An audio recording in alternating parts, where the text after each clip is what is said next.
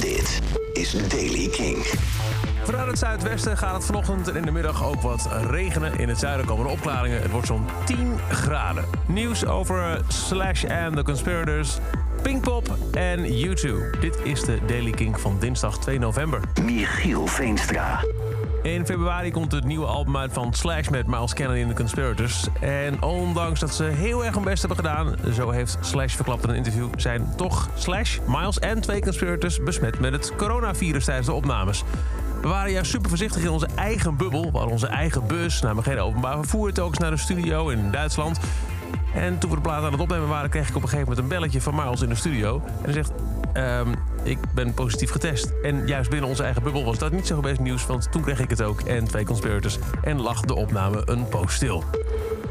Pinkpop heeft een nieuwe naam bekendgemaakt. We wisten al, 21 Pilots, Metallica en Nothing But Thieves... die waren mee verhuisd van eerder gecancelde edities. Nu komen ook op de poster Queens of the Stone Age, The Deftones... Crowded House, Imagine Dragons, Courtney Barnett, Nightwish... Royal Blood, Frank Carter en the Rattlesnakes... Inhaler, Interpol, nou, Rodgers and Chic, The Pretty Reckless... Evie de Visser en Vrouwtje.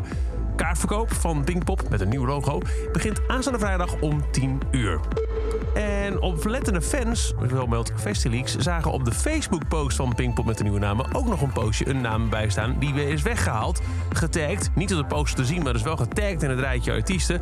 Moonskin. Het gerucht gaat al langer en het lijkt erop dat Pinkpop dat dus alvast heeft gelekt. En U2, sinds vorige week zitten ze op TikTok, gaat hartstikke goed, al miljoenen views, hebben naast hun oude liedjes ook een nieuw liedje op TikTok laten horen. Waarbij ze zeggen dat het op de soundtrack van Sing 2 komt, waarbij Bono een geanimeerd karakter zal spelen, namelijk de leeuw Clay Calloway. Het liedje dat erbij hoort is Your Song Saved My Life.